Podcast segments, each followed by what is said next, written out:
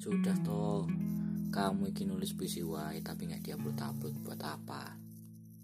Bukan gitu. Aku ngerasa puisiku jelek. Aku saja nih kepengen nulis iki buat Naya loh. Naya meneh, Naya meneh. Sampai kapan kamu ngarep kecaiku? Ya nggak tahu mas. Aku ngerasa susah banget ngelupain dia. Ya meski udah hampir satu tahun Naya nggak ada kabar. Kamu gak coba ngirim surat saja lewat pos ke sana? Wah, iya ya. Tapi kan gak tahu piye cara ngirim surat pos. Loh, tinggal Google kok angel. Zaman ki wis canggih. Iya ya. Wis, ojo ngelamun wae. Mending kerja ke tugas kuliahmu. Ah, males aku mas.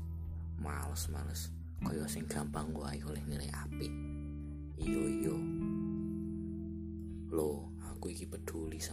sama kamu iyo mas. Matur suwun.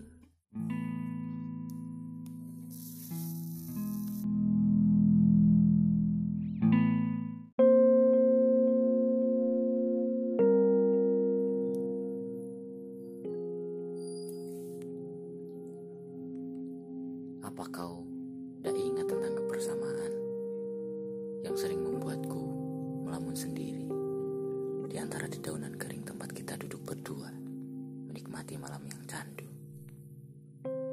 Kita menikmati bintang dengan seribu harapan konyol. Tanganmu mengisyaratkan cita-cita yang membuatmu cukup idealis.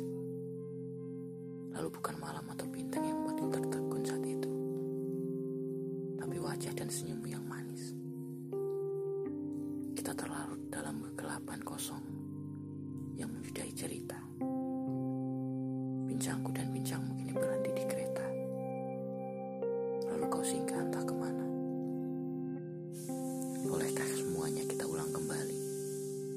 Seperti dulu kau dan aku yang selalu menanti diri kita sendiri. Ataukah waktu sudah terlalu usang untuk kita ulang? Wis, apa?